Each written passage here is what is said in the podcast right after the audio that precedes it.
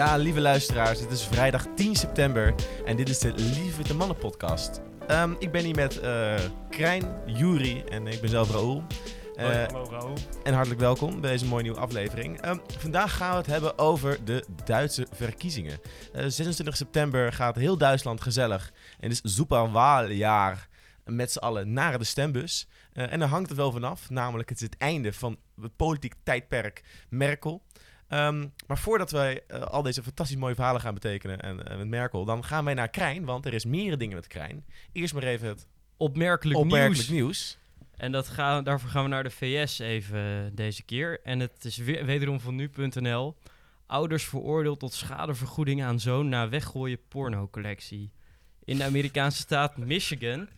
Daar hebben ouders eh, van hun volwassen zoon van 43 jaar... hebben ze toen hij na zijn scheiding weer even thuis kwam Dat wonen... is een aantal jaar geleden het al, toch? Ja, dit, dit verhaal had je eerder kunnen lezen. Maar de rechter heeft nu uitspraak gedaan. Hij, eh, zijn ouders hebben die zooi weggegooid. Want die zeiden, je moet geen porno kijken. No fap, slecht voor je. Dus eh is weggegooid. Maar toen zei hij zo, "Eh, dat was potverdomme 30.000 dollar waard.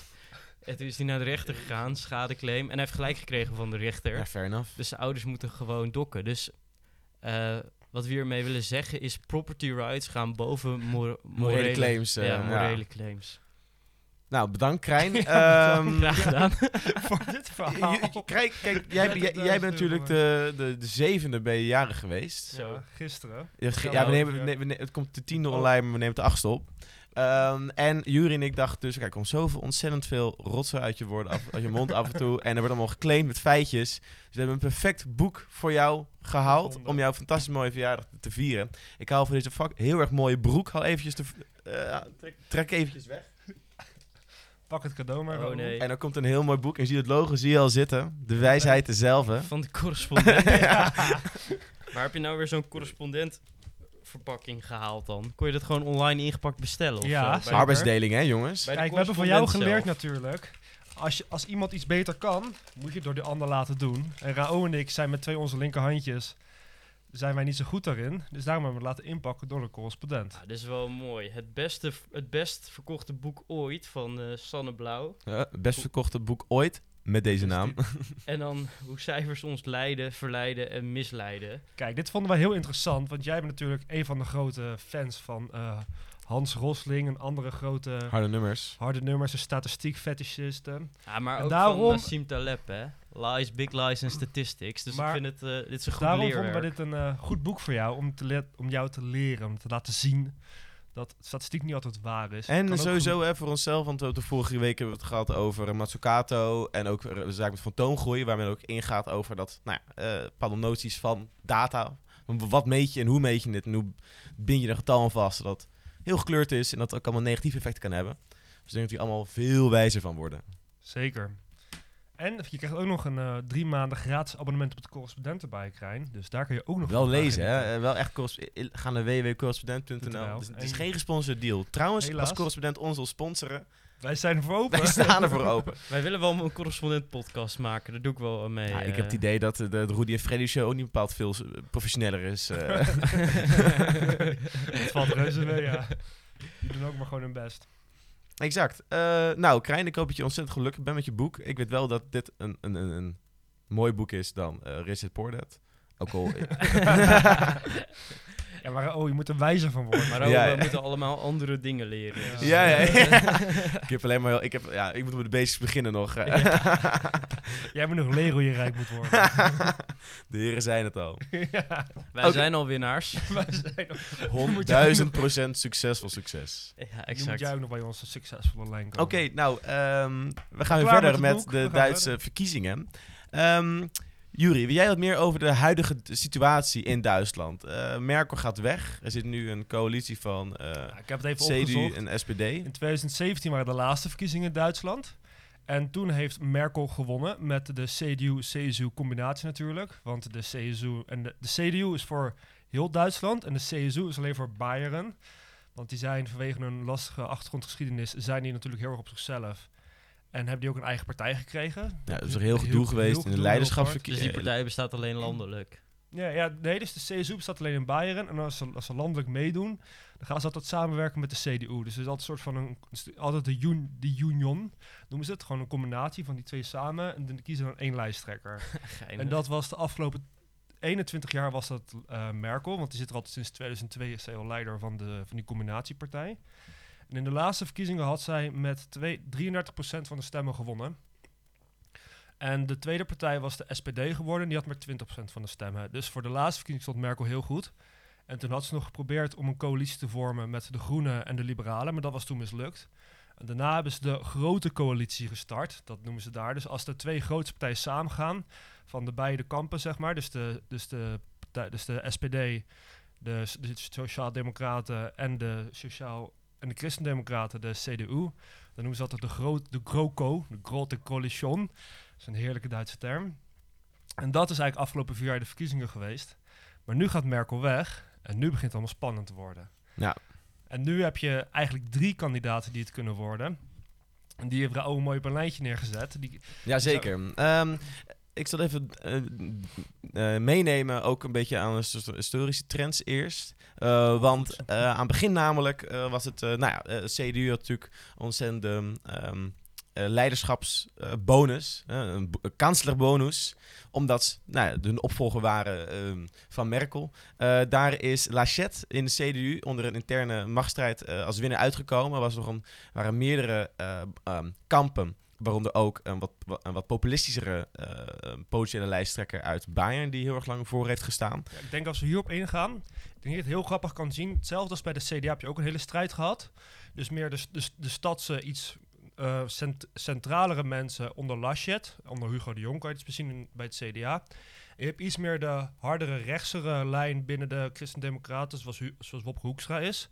En dat was, die had je ook echt heel erg duidelijk in de, in de CDU. Het was echt een grote tweestrijd tussen die twee, tussen die twee kampen. En uiteindelijk is het in de, bij de CDU is Laschet naar boven gekomen. Iets meer de, de gematigde stroming. iets-. Ja, de Merkelesk. Meer naar het midden toe te gaan. Meer de samenwerking opzoeken met linkere partijen, met linkse partijen. Terwijl de andere kampen waren eigenlijk meer de rechtsere kant op. Meer de pas afsnijden van Ja. de AFD. Nou, maar Lachette werd ook een beetje gezien als een soort van, nou ja, een beetje een, eh, beetje een grijze, grijze muis. Ehm, maar uiteindelijk, hij was, hij was heel erg lang k- kanselier geweest van Noord-Rijn-Westfalen, waar hij reet goed gedaan had. Maar Lachette, die ook al zat hij lang in de voorsprong, die heeft uiteindelijk ook eh, heel moeten inbieden. Omdat toen waren er een aantal waren er overstromingen in Noord-Rijn-Westfalen, ook in Limburg, ook in België. En daar ehm, heeft niet al te effectief beleid geleden. En hij heeft ook een ontzettende imageprobleem gehad. Omdat hij toen moest, een grapje heeft gelacht tijdens de dodenherdenking van eh, de, de ramp. Waardoor hij direct de hele partij in de grond zakte. Eh, wat niet zo handig is. Nee, dat Eh, kwam gewoon heel slecht over. Gewoon, het was zo'n zware ramp. En dan, hij, zeg maar, hij, hij zat in een aparte ruimte met an- allemaal andere mensen. Omdat natuurlijk vanwege de corona moest het eh, afgesloten worden. Dus hij hoorde helemaal de speech niet. En hij wist soort van ook niet helemaal wat er aan de gang was op het podium. En hij was gewoon afgeleid op dat moment. Dus toen maakte iemand een grapje en dan lachte hij erop. Maar het was wel gefilmd. En dat is eigenlijk zo slecht uitgepakt voor hem. Daar is hij zo onsympathiek, on, onleiderschaps, onder, onleiderschapswaardig komt hij nu over in Duitsland. Dat hij eigenlijk heel erg die partij omlaag trekt. En binnen de... Natuurlijk de CDU en CSU is een, het is een combinatie. Maar de CSU die heeft Markus Söder. En dat is dan de bondspresident van Bayern. En eigenlijk is hij populairder. In heel Duitsland wordt hij, omdat hij de coronacrisis zo goed heeft gehandeld in Bayern, en dat hij eigenlijk zo pragmatisch, zo goed overkomt, als eigenlijk heel veel mensen op hem willen stemmen. Maar omdat soort van de top van de CDU gekozen heeft, nee, we willen niet van die onze zusterpartij, die rage partij in dat Bayern. ja. Die willen we eigenlijk niet hebben als onze, onze bondskanselier eh, kandidaat. Die willen we eigenlijk liever niet hebben. Dus daarom kiezen we toch maar voor, ons CD, voor onze CDU-man. En eigenlijk is dat misschien wel een foute beslissing geweest. Want die Soder is wel echt beter. Veel sympathieker. Komt goed beter over. En die had, zou ook hoger hebben gescoord in de, in de, ja, in de, ja in de precies. Maar nu is de Lachette ook wel een prima, eh, eh, eh, cap- capabele man hoor. Ehm, maar eh, inderdaad ook een beetje dat vertrouwen dat men dan heeft in een eigen partijdemocratie. Net zoals bij het, natuurlijk bij de, de ChristenUnie ook het geval, eh, sorry, bij het CDA ook het geval is geweest. Dat het partijleiderschap dat Hugo de Jonge moet worden. Gaat eigenlijk nooit goed hoor. Nee, ja, precies. Nee, dat heb je bij de PvdA ook gezien. Ja, ja exact. En, en, maar, dat, maar dat vervreemdt Ja. zichzelf en, en daarmee vervreemdt de partij zichzelf natuurlijk ontzettend van de achterban. Van dat, altijd- van dat, nou, dat eh, die antidemocratisering, interne democratisering. Maar kijk, maar dat is dus CDU, daar zijn we. Mhm. Lachette, die we stond bovenaan, die is iets achtergeraakt. Toen zijn de Groenen groot geworden, eh, onder ehm Borbek, Ja, Baerbock. een Bergbok, een, een, een, een vrouw zonder bestuurservaring, eh, als het goed is. Of in ieder geval... Nou, vooral bestuurservaring binnen de, binnen de partij Groenen. Ze is een aantal jaar partijvoorzitter geweest. Ze heeft andere grote commissies op, de, op zich gehad binnen de eigen partij.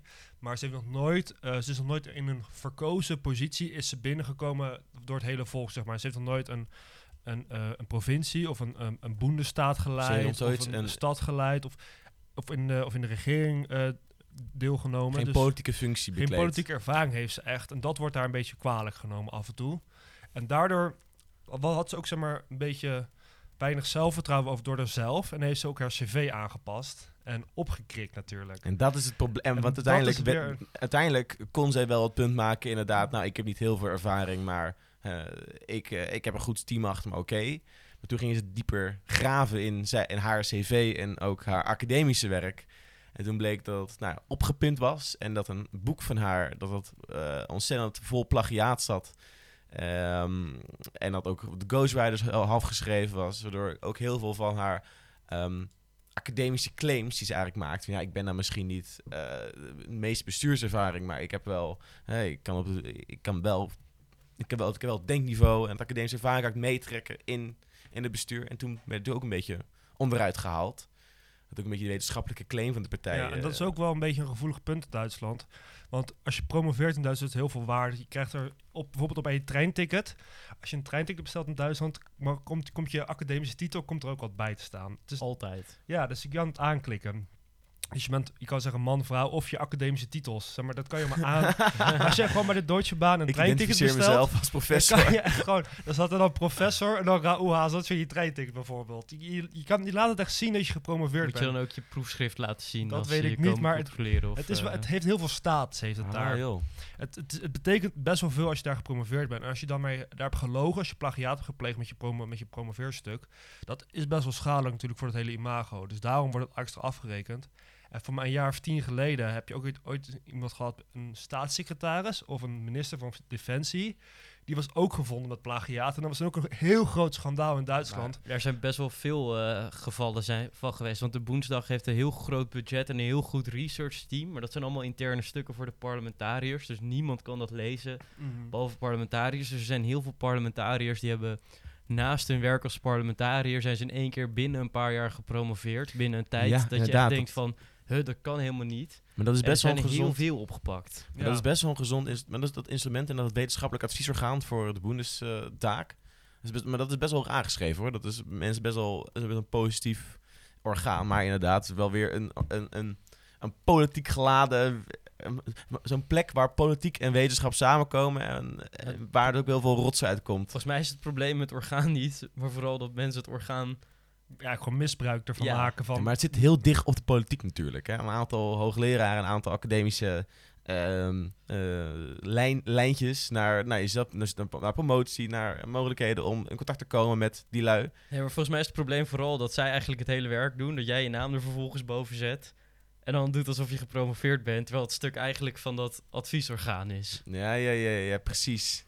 Nou ja, maar dat, dat, nou, dat is een ander verhaal. Maar inderdaad, dat is een ander geval. Dat, dat heeft Baerbock niet gedaan. Daar wil ik wel even sterk over zijn. Dat is dus niet gebeurd. Maar ze heeft wel haar cv opgepimpt. En dat heeft haar imagoschade toe gedaan. En daardoor wordt ze niet gezien als de beste kandidaat. toen is de partij weer in de... Toen da- daalde die partij ook weer. Maar Jury, jij zei dus dat een andere politicus Ja. van de Groenen, die eigenlijk met z'n tweeën als voorzitter zitten, Zeg maar de Groenen, omdat het een vrij... Het is, een- het is eigenlijk een van de weinige echt progressieve partijen in Duitsland.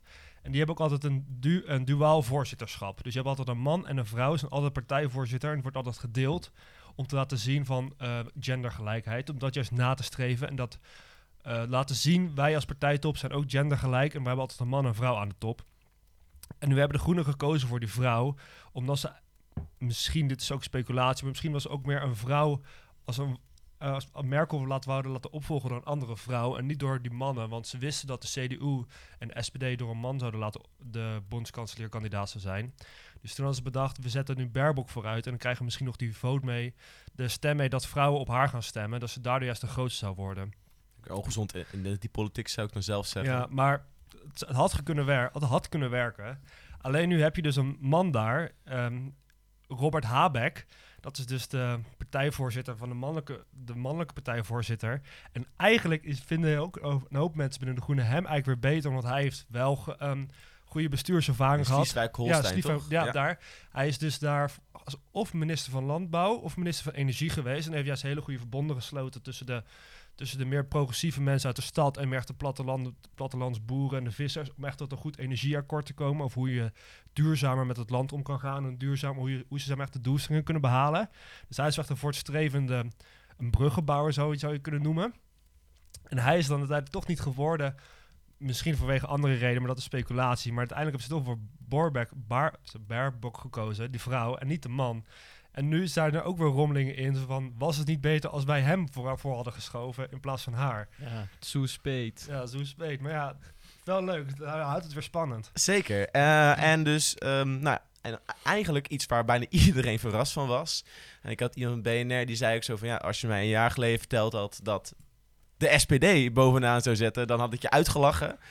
Um, de SPD, de partij die uh, onder Smit in de jaren, nee, in de jaren 80 nog uh, de, de, de knoepert van de Duitse politiek zou lijken. Maar sinds het einde van de Koude Oorlog eigenlijk alleen maar verder weggezakt is in obscuriteit. En soort, nou ja, ook een, Nederland, een beetje de Nederlandse Partij van de Arbeid achteraan is gegaan. Mm -hmm. Is plotseling de grootste geworden. Uh, ja. In de coalitie met CDU hebben ze de, heeft Schulz, de huidige. Um, um, de, de, de, de, ja, lijsttrekker. Ja, Schulz is de huidige lijsttrekker van de SPD. En die is nu de minister van Financiën en de vice-kanselier van Duitsland. Precies. En, en, blijkbaar heeft die partij, die kan heel erg uh, meeliften op um, nou, eigenlijk het, op de kracht van Merkel. Om te zeggen van wij, uh, Schulz, ik ben een voorst, ik ben ja, ik ben de voorzetting van de lijn van Merkel en, zijn, en haar en, regering. En, en, zeg maar, Schulz al zijn speeches, en als hij gaat praten over wat hij heeft gedaan als minister van Financiën, benoemt hij altijd, altijd Merkel van samen, we hebben wij als, ik, ik als vice-kanselier, Merkel als kanselier, samen hebben wij opgetrokken in deze coronapandemie. Samen hebben wij voor financiële steun gezorgd bij de, na de overstromingen. Samen hebben wij het om opgelost. En eigenlijk probeert hij heel erg Merkels populariteit aan, hem, aan hemzelf te koppelen zodat hij zeg maar, de kanselierbonus, zoals jij die eerder hebt genoemd, of de, de, kan, ja, de kanselierspremie, dat hij die kan bemachtigen. En daardoor juist ook heel veel stemmen naar hem toe kan trekken. Van hij heeft, dat hij zeg maar, de huidige lijn van, het van, van de Duitse regering door kan zetten. En die zo door kan zetten in de toekomst in en daarop mee kan liften. Ja, en maar eigenlijk is hij best wel een helemaal niet zo spannende regeringsleider. Nee. Grijze vent, slecht zittende pakken, zoals jury hem beschreef. En, heb je, en natuurlijk een soort vrouwelijk, een mannelijke Merkel met hetzelfde ruitje. Die manier van je, nou, van je handen net zo voor je, voor je buik houden. Dat doet hij ook na nu. Uh, en voor de rest, ja, hij, uh, het is nog maar een aantal weken, nog maar was het een weekje of drie minder tot de verkiezingen. En de hoop is dat hij zichzelf eigenlijk zonder gekke... De hoop voor hem. De hoop voor hem en voor de SPD is, ja, ja, wat hun hopen, is dat er dus verder niks meer gebeurt. Zoals de andere twee uh, um, leiders ook onderuit zijn gegaan door uh, een slecht mediament of door een soort uh, gedoe in de media. Hoop je dat zij daar helemaal ongeschoren, zonder kleding, scheuren uit kunnen komen. En ik denk dat het ook best wel mogelijk is. Want als je kijkt naar hoe, hoe hij zich gedraagt. Hij wordt ook wel gewoon een boekhouder genoemd in Duitsland. Gewoon een hele saaie, degelijke boekhouder. Dus iedereen verwacht ook wel dat er eigenlijk niks geks met hem gaat gebeuren. En hij heeft ook wel kleine schandalen aan zich kleven natuurlijk. Hij, heeft hij is tot 2018 was hij de burgemeester van, van Hamburg. En in 2017 was de G20 kwam naar Hamburg toe. De G20 zijn de 20 grootste economieën. Daarvan komen de regeringsleiders naar één plek om over de toekomst van de wereldeconomie te praten, zeg maar. En eigenlijk gedurende die bijeenkomst waren er hele grote linkse en hele grote rechtse anti-globaliseringsrellen in de stad. Die hebben echt een hoop vernieuwd. En dat kleeft nog wel. Dat was wel zijn verantwoordelijkheid, want hij is toen burgemeester van de stad. Maar het, het geeft, heeft niet heel veel negatieve eh, consequenties voor hem tot nu toe nog. Hij, hij, lijkt, er, hij lijkt er niet minder goed van door, door te worden. Heeft hij daar echt iets fout gedaan dan? Of Ja, het is wel uit de hand gelopen daar. En ik hoor ook dat er, dat er dus probleem is met eh, een aantal eh, garanties die gegeven zijn voor, een, voor de Duitse Landesbank. eh, onder zijn bewind, waar het onduidelijk is of hij daar heel veel zelf mee te maken heeft. Maar dat het wel een beetje een financiële corruptiegeur aan zit. Maar dat komt nog wel later. het is nog niet perfect gegaan. Eh, voor mij was het toen hij minister van Financiën was. Eh, dus, maar dat kleeft ook in iedereen in deze groep. Ehm zullen we nog even snel de, de drie andere partijen die van Ja, belang zijn nog eens bespreken? Je hebt de, eh, de even kijken hoor, de PDP, de, de, de, de, de, de liberalen van Duitsland. Ja, de, de FDP, de Vrije FDP, ja. Democratenpartij. Democratische de Linder, Partij. nou, die is al relatief klein. Die is ongeveer even groot als het FVD en de Linke, de twee andere partijen. Ehm, en die is eventueel wel interessant als ze de zogenaamde eh, Jamaica-coalitie gaan doen. Dus een, co- een coalitie op rechts. Ehm, en voor de rest heb je nog eh, het, eh, de Alternatief voor Duitsland, die natuurlijk Oost- Oost-Duitsland relatief groot is, maar nog steeds niet, niet ja, dat, het gevaar van extreem rechts lijkt een beetje te zijn ge- gevaren in Ze- Duitsland. Ja, ze, maar ze worden niet... Ze gaan nooit boven de 20% van de zetels uitkomen. Nee. Ze zitten nu... Ze hebben vorige verkiezingen 13 gehaald. En nu staan ze af op 12. Dus ze zijn iets gekrompen, maar het valt wel mee. Het zal niet heel veel meer groeien. Het zal rond die 12 ook wel weer blijven deze keer.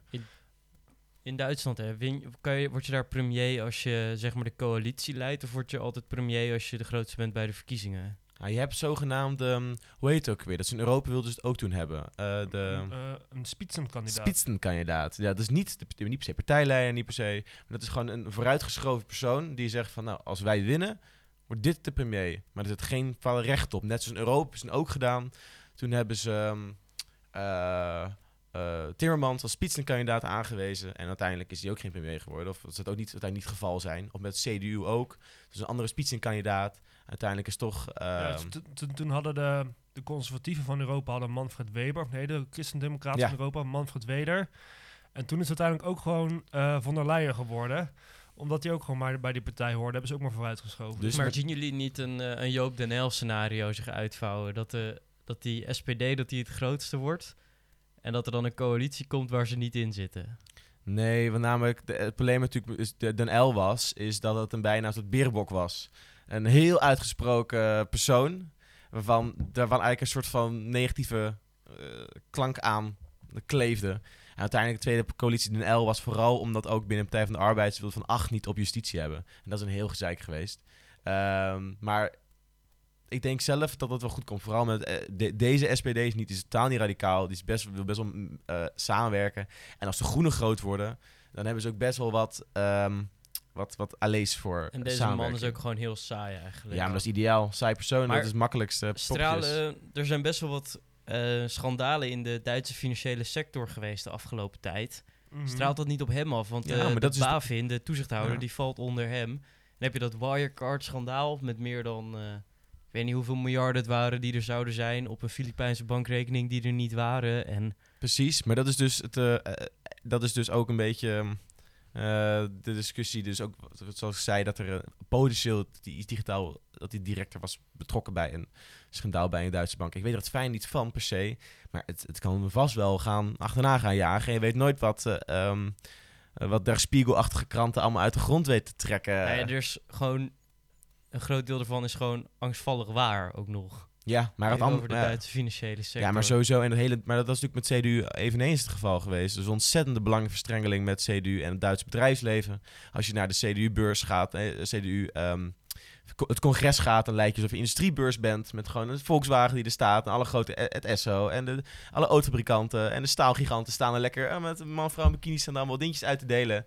Want ja, die zijn wel handje in handje hoor. Maar dat is ook normaler bijna in Duitsland. Want er is wel echt een pact in Duitsland tussen de werkgevers en de politiek. Eh, en dat is ook een van, de, een van de thema's van deze verkiezingen. En daar waar, het, waar het SPD bijvoorbeeld ook dan door ehm, wordt, ook, eh, wordt, aange, wordt verweten.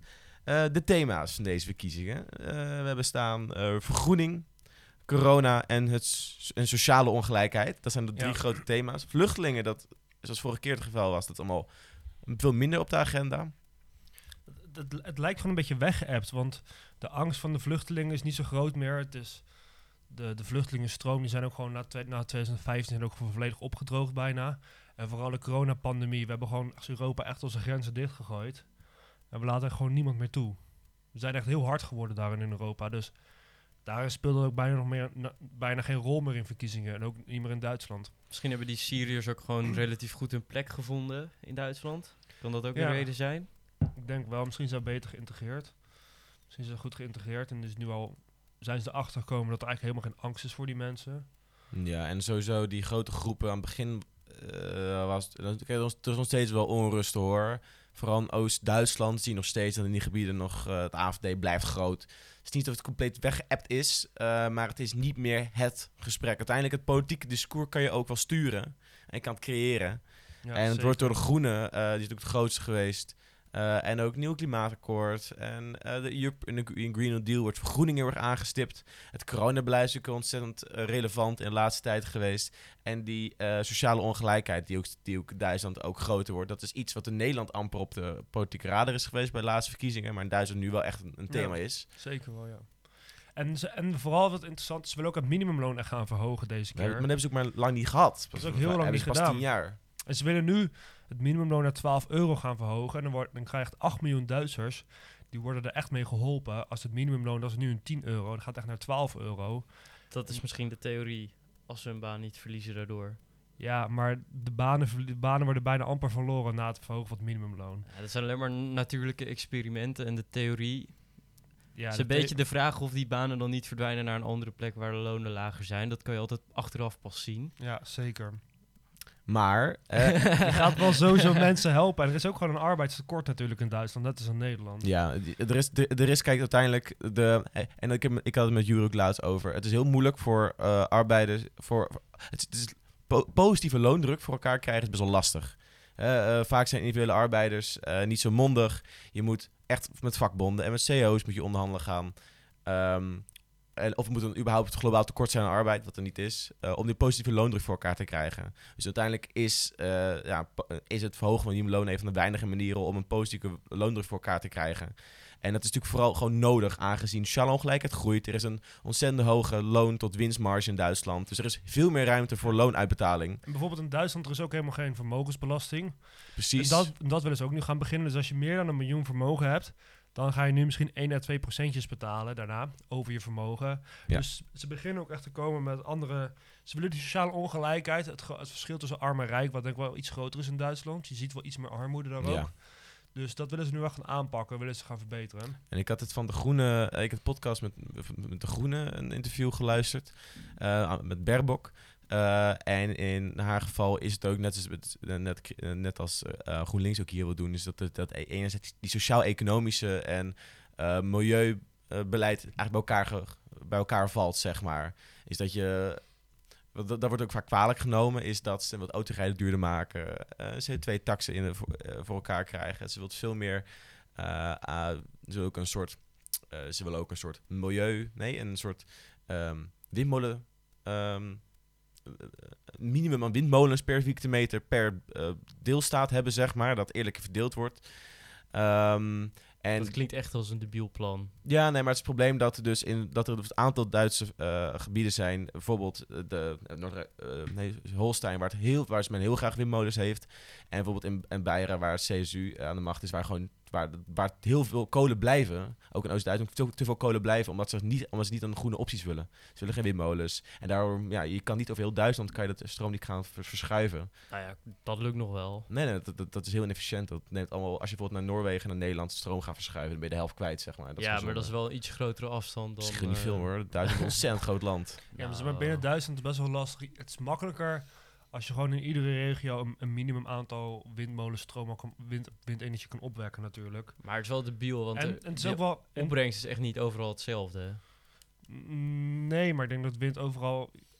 Als je overal. je- Maar je, maar je kan prima ook gewoon zeggen. Kijk, je kan gewoon berekenen waar, waar hoeveel wind je dan echt nodig hebt. Maar je kan ook gewoon zeggen, als een Bayer met een CSU het alleen maar gaat tegenhouden, dan kan je op een gegeven moment zeggen, ja, het moet hier wel gewoon gaan gebeuren. Ja, maar het, het niet, Want je het kan niet eeuwig die maat, Maar het is wel in ieder geval dat, dat, dat die, dat die, wat namelijk is, maar dat is een ander verhaal, maar dat, dat ook die, die, die, de, druk van de vergroening Dus nou, het feit dat je, dat je 20 jaar met windmolens in je, 20 jaar met windmolens in je tuin moet gaan zitten totdat er kerncentrales of fusiecentrales komen, nou, dan moet je maar verliefd nemen. En dan moet ook iedereen moet, moet, moet ook zeg maar die last dragen. Dat windmolens zijn kies zeg maar. Als we allemaal aan de kernfusie zitten, dan kunnen ze weer gesloopt worden. Ze hebben sowieso een levensduur van 25 jaar.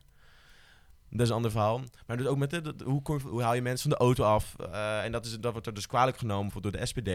Dat dus de Groenen een zo'n eh, ontzettende vergroeningsdrang hebben. Dat dus uiteindelijk vooral in het platteland levende eh, middenklasse of armen erop achteruit gaan. Een beetje het, verhaal in Frankrijk met de Gilets jaunes. Ehm, en, het, en de Groenen nemen bijvoorbeeld de SPD weer kwalijk. Dat zij met hun alleen maar de zuivere focus op die sociale ongelijkheid, het klassiek sociaal democratisch programma, ook te veel eh, vervuilende industrie eh, een handreiking doen Ja. en ook langer mogelijk willen maken, willen maar- houden. Want, zeg maar de, want ze hebben de afgelopen... eh, vorige, vorige week hebben ze met z'n drieën een verkiezingsdebat gehad van twee uur lang. En toen kwam ook de vraag, wat ga jij als eerste, wat ga jij verbieden om klimaatdoelstellingen te behalen? En dan heeft Baerbock heeft natuurlijk ideeën, we moeten kolencentrales verbieden, we moeten hele vervuilende auto's verbieden, industrie zorgen dat het schoner wordt en duurzamer wordt. En dan heb je eigenlijk Lachette en Scholz zeggen van nee, we willen helemaal niks verbieden, we willen niks verbieden. Dat komt allemaal wel goed. En dan is Lach- eh, Lachette natuurlijk de klassieke innovatie, innovatie, innovatieman. Dus die denkt met innovatie in de toekomst, het komt allemaal wel goed, we hoeven nergens om zorgen over te maken. Ik, het, het lost zich wel op. We zijn toch Duitsland, we zijn een hij heeft goed inno- gelezen. Hij zijn speelt een beetje de Mark Rutte. ja, de- wij, we, we zijn de innovatiemacht van Europa. Wij vinden het wel uit. Het komt wel goed in de Dat toekomst. vind ik ook niet echt een claim die ik op Duitsland zou plakken. We Nee, zijn maar- de ja. innovatiemacht van Europa. Ja, maar zo, zo, zo bracht hij het wel. Zeg maar. hij, hij bracht zo van innovatie. We zijn slim, we hebben instituten hier, we snappen, we kunnen onderzoek doen. We hoeven niks te doen, niks verbieden, gewoon lekker doorgaan. En toen was Baerbock was de enige van, oké jongens, we moeten wel echt, iets echt dingen gaan veranderen. Toen we geen, het zijn het helemaal geen hele grote ingrijpende veranderingen, maar gewoon kleine stappen gewoon. Je wilt gewoon minder kolencentrales. Je wil sowieso al die bruinkoolcentrales gewoon sluiten in Duitsland. Maar Ja. ik vind dat sowieso een hele rare set geweest. Dat ze al die nucleaire Ja. reactor, reactoren hebben gesloten om bruinkool te gaan stoken. Dat je echt denkt Ja, van... maar daarom is, daarom is die Borbeck ook gewoon heel erg streng en zegt van kijk, wij moeten nu die overgang maken, we moeten die schaalvergroting gewoon stimuleren. En we moeten die, die windmolens en, die, ehm, en, en, en, de, en de zonnepanelen moeten gewoon zoveel goedkoper worden, dat gewoon moeten verplichten met support, met anders. En ze willen geld ook ophalen met al die, met al die welvaartsbelastingen. zij dan het... eh, Want ze moet, ze, we moeten die schaalvergroting Ja, schaal maken. maar- en, en ook met elektrisch, het moet gewoon gebeuren. We moeten neg- nu die schaalvergroting negeert ze het, zeg maar, het probleem van het net en het verschil in opbrengst per tijd? Ja, het moet allemaal Maar gewoon gepusht worden. Nee, nee, nee, maar Want ze willen, het is een nee, klimaatramp. dat Je, de markt is te langzaam, zegt ze. Je, Nee. moet, je moet het pushen. Je moet juist al die schaalvergrotings, eh, al die schaal ehm, en massaproductie eh, voordelen moet je gewoon gaan forceren. Je moet, gewoon kna- je moet Ja, maar- zoveel gaan, je moet die vraag ontzettend gaan stimuleren. Maar ik denk voor de meeste dingen is eigenlijk al de grote schaalverdeling is er al doorheen gekomen. Want tegenwoordig kan je windmolenparken bouwen op zee zonder subsidie. Die zijn rendabel op zichzelf al. Duitsland is ook een van de eerste grote Duitsland landen. heeft wel hogere energieprijzen dan Nederland ook nog. En dat Ja. komt onder andere door de transitie die ze al hebben doorgemaakt. Dus Ja, maar zij hebben ook heel veel geld geïnvesteerd in het begin, vooral in zonnepanelen. En door hun investeringen en doordat China ook heel veel zonnepanelen gaat maken, is die, is die eigenlijk ook al geweest. Zonnepanelen is niet zo duur meer tegenwoordig. Alleen het net is echt een groot probleem, want Duitsland ligt daarop wel echt voor. Die hebben echt heel veel problemen als daar het heel, in sommige delen heel goed waait en heel, hard, heel veel de zon schijnt. Dan is een netwerk overbelast. Dan heb je een negatieve Dan heb je energieprijs. een negatieve energieprijs. En dat is nog wel echt een uitdaging die de Groenen gaan hebben voor een komende. Voor de, en sowieso de Duitse regering gaat hebben. Maar je kan dan, ik denk dat je wel gewoon ook wel beter op een groene regering die daar bewust van is. En dan niet moet zeggen, we moeten nu stoppen met duurzame energie, want dat is allemaal echt slecht voor het energienetwerk. Maar meer dat je ook dan toekomstbestendige investeringen gaat maken. Oké, we gaan ons energienet verbeteren. We gaan Of we stoppen met het net, we gaan alles lokaal doen. Kan dan ook. gaan we het net niet Dan overbelasten. kan je, zo kan je het ook ik heb oplossen. ook helemaal niet handig Maar dat is niet eh. heel handig, denk ik, voor als je een Europees net wil hebben waarbij je eigenlijk Franse kernenergie wil gebruiken als stabiele factor en Duitse energie eigenlijk wil hebben om, om je piekmomenten af te, af te, af te romen, zeg maar. Ja. Want dat zou perfect werken namelijk. Ja, dat is eigenlijk de het- droom het, van... is, het is gewoon lastig aangezien, kijk, die, die overgang naar elektrisch is, ehm, het, de economie zelf wil het niet. Die economie zelf, eh, want fossiele brandstoffen zijn zo goedkoop, zo makkelijk. Die willen gewoon fossiel blijven zitten. Maar we kunnen het onszelf, omdat namelijk hè, de economische prikkels is te, te korte termijn. Die wordt niet die lange termijn eh, externaliteiten van klimaatverandering wordt niet meegenomen. Dus het moet nu gewoon met de bottenbel moet het doorgeforceerd worden. Dat is ook het verhaal van de Groen ook een beetje. Van ja, het is niet leuk, maar het moet wel. Ja. Ja, en eh, ik ben er relatief sympathiek over, maar dat is mijn persoonlijke opvatting. En, eh, maar ik heb wel het idee dat eh, die partijen zich wel een keer in kunnen vinden. Je hebt natuurlijk een aantal coalities die eventueel op de, op de proppen liggen. Dus kunnen we daar nog even over hebben, want die Duitsers, Duitsers weten het zo leuk te bewoorden. Ja, die Duitsers hebben echt een heerlijke coalitie. We hebben het net ook voor de GroKo al gehad natuurlijk. Maar de andere coalitie, stel de Groenen, nee, de, de, de SPD wordt, wordt het grootste. Dan hebben ze de stoplichtcoalitie bijvoorbeeld. Dus dan heb je de, het rood van de SPD, dus de, dus de Sociaaldemocraten. Het geel van de Liberalen, de FDP. En het groen van de Groenen. Dus liberalen bij hebben. En daar willen ze Liberalen bij hebben. Dus die zullen ze wel nodig hebben dan. Want de Liberalen hebben ze nodig. Want je kan het niet, de, Gro- de Groenen en de, en de SPD zijn niet groot genoeg om met z'n tweeën een Maar dus meerderheid niet te de hebben. CDU erbij hebben. Nee, ze willen dan juist CDU eruit houden. Typisch. En dus liever met de, F, eh, F, met de liberalen aan de slag gaan. Omdat die dan nog eh, ja, iets gewilliger zijn om de regeringen te gaan en minder koppig zullen zijn. Ja, ze wat kleiner kleiner zijn. ja. En dan zijn, het zijn juist de liberalen de kleinste partijen. Dan heb je juist de Groenen en de SPD als grotere partijen. Of anders, waar Angela Merkel ook laatst een hele speech over heeft gegeven. Het rode gevaar gaat misschien weer komen als je, als je de SPD te groot maakt. Dat de SPD volledig over links gaat. Dus dat het, dan heb je een rood-rood-groen coalitie. Dus dan heb je dus de linker, de SPD en de groenen. En dan kom je in de communistische helstaat. Er. Oost-Duitsland. Oost-Duitsland. En daar worden nu hele speeches over afgegeven door de CDU.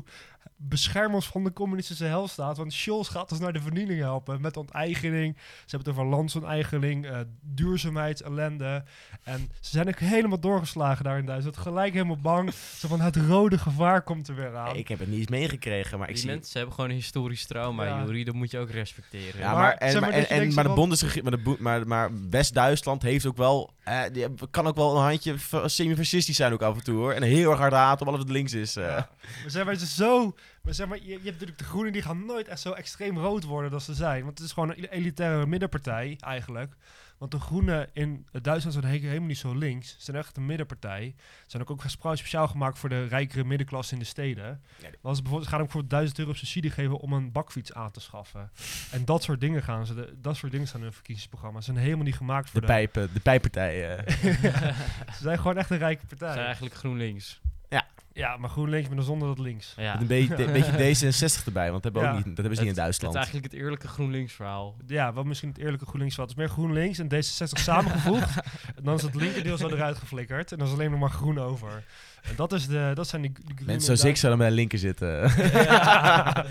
Jij bent wel in die linker, jongen. nee hoor, Maar, SPD. maar we even verder over coalities. Het kan ook natuurlijk nog zijn dat Laschet uiteindelijk toch nog heel goed gaat doen.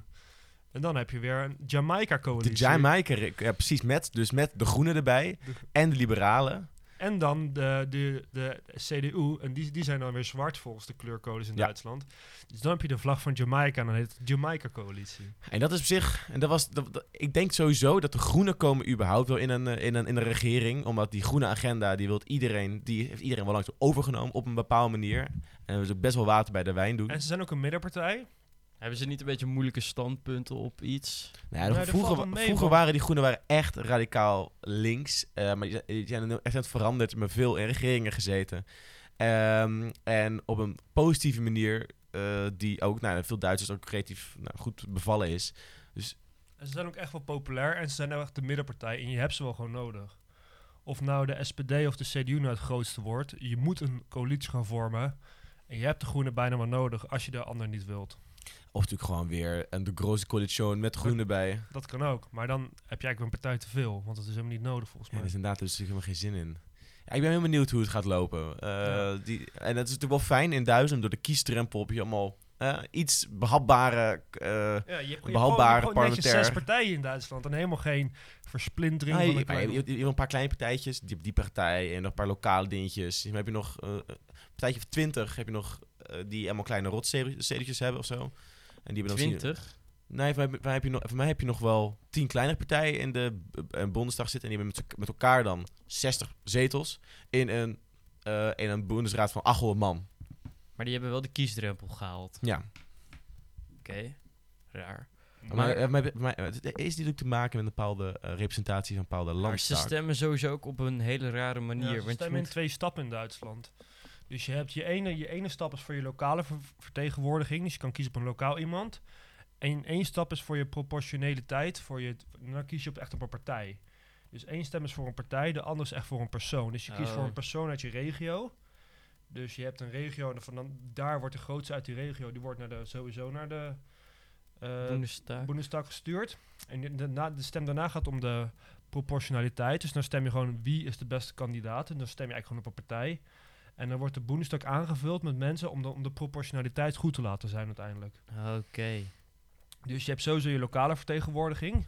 Daar stem je voor. En daarnaast heb je ook nog, zorgt ook dat het eigenlijk eerlijk verdeeld is. Dat je eigenlijk niet echt een twee-partijensysteem kan krijgen in Duitsland. Oh, misschien dat die kleine, die kleine fracties, dat die ja, wel van want- die lokale... Ja, want ze heet ook altijd de overige, heet ze ook altijd in Duitsland. En misschien zijn ze dan wel er doorheen gekomen als je gewoon in die, in die ene regio heel goed hebt gedaan, maar je behoort helemaal niet bij een, een van de grote partijen. En dan die, als je, als je bij die 5% wil horen, moet je minimaal 5% van de stem hebben via die proportionaliteitsstem. Zodat het wel weer eerlijk verdeeld is, het parlement. En dat je, eh, dus als echt 30% van het volk heeft op de SPD gestemd, dat ook echt 30% van de leden van de Bundestag SPD zijn Hmm. om dat wel gewoon netjes evenredig te houden. Zoals het Nederlandse systeem ook is. Het aantal stemmen in Nederland, het aantal stemmen dat je haalt, is het aantal zetels dat je krijgt. Wat in het Verenigd Koninkrijk of in de Verenigde Staten heel erg anders is natuurlijk. Dus ze hebben eigenlijk een districtenstelsel weten te... te Ja. Te combineren met een proportioneel evenredig stelsel. Dus het is democratisch gelijk, maar je hebt ook je districtenstelsel met je districtverantwoordelijke. Dus je hebt een soort van het best van beide hebben ze gecreëerd. Maar het is wel een lastig systeem om het zo maar even aan de burger uit te leggen. Ja, precies. Maar niet, wel niet ranked voting te doen. En ja, eh, uiteindelijk is erover nagedacht. Hè? De democratie heeft zich al eerder weten. Te, heeft al eerder, eerder zien dat het lastig is om een goed werkende democratie op te zetten. Er is al wat gebeurd, hè, een aantal jaar geleden. Dus ze hebben wel over nagedacht over deze vorm van democratie. Wat een land. Wat een land. Mhm.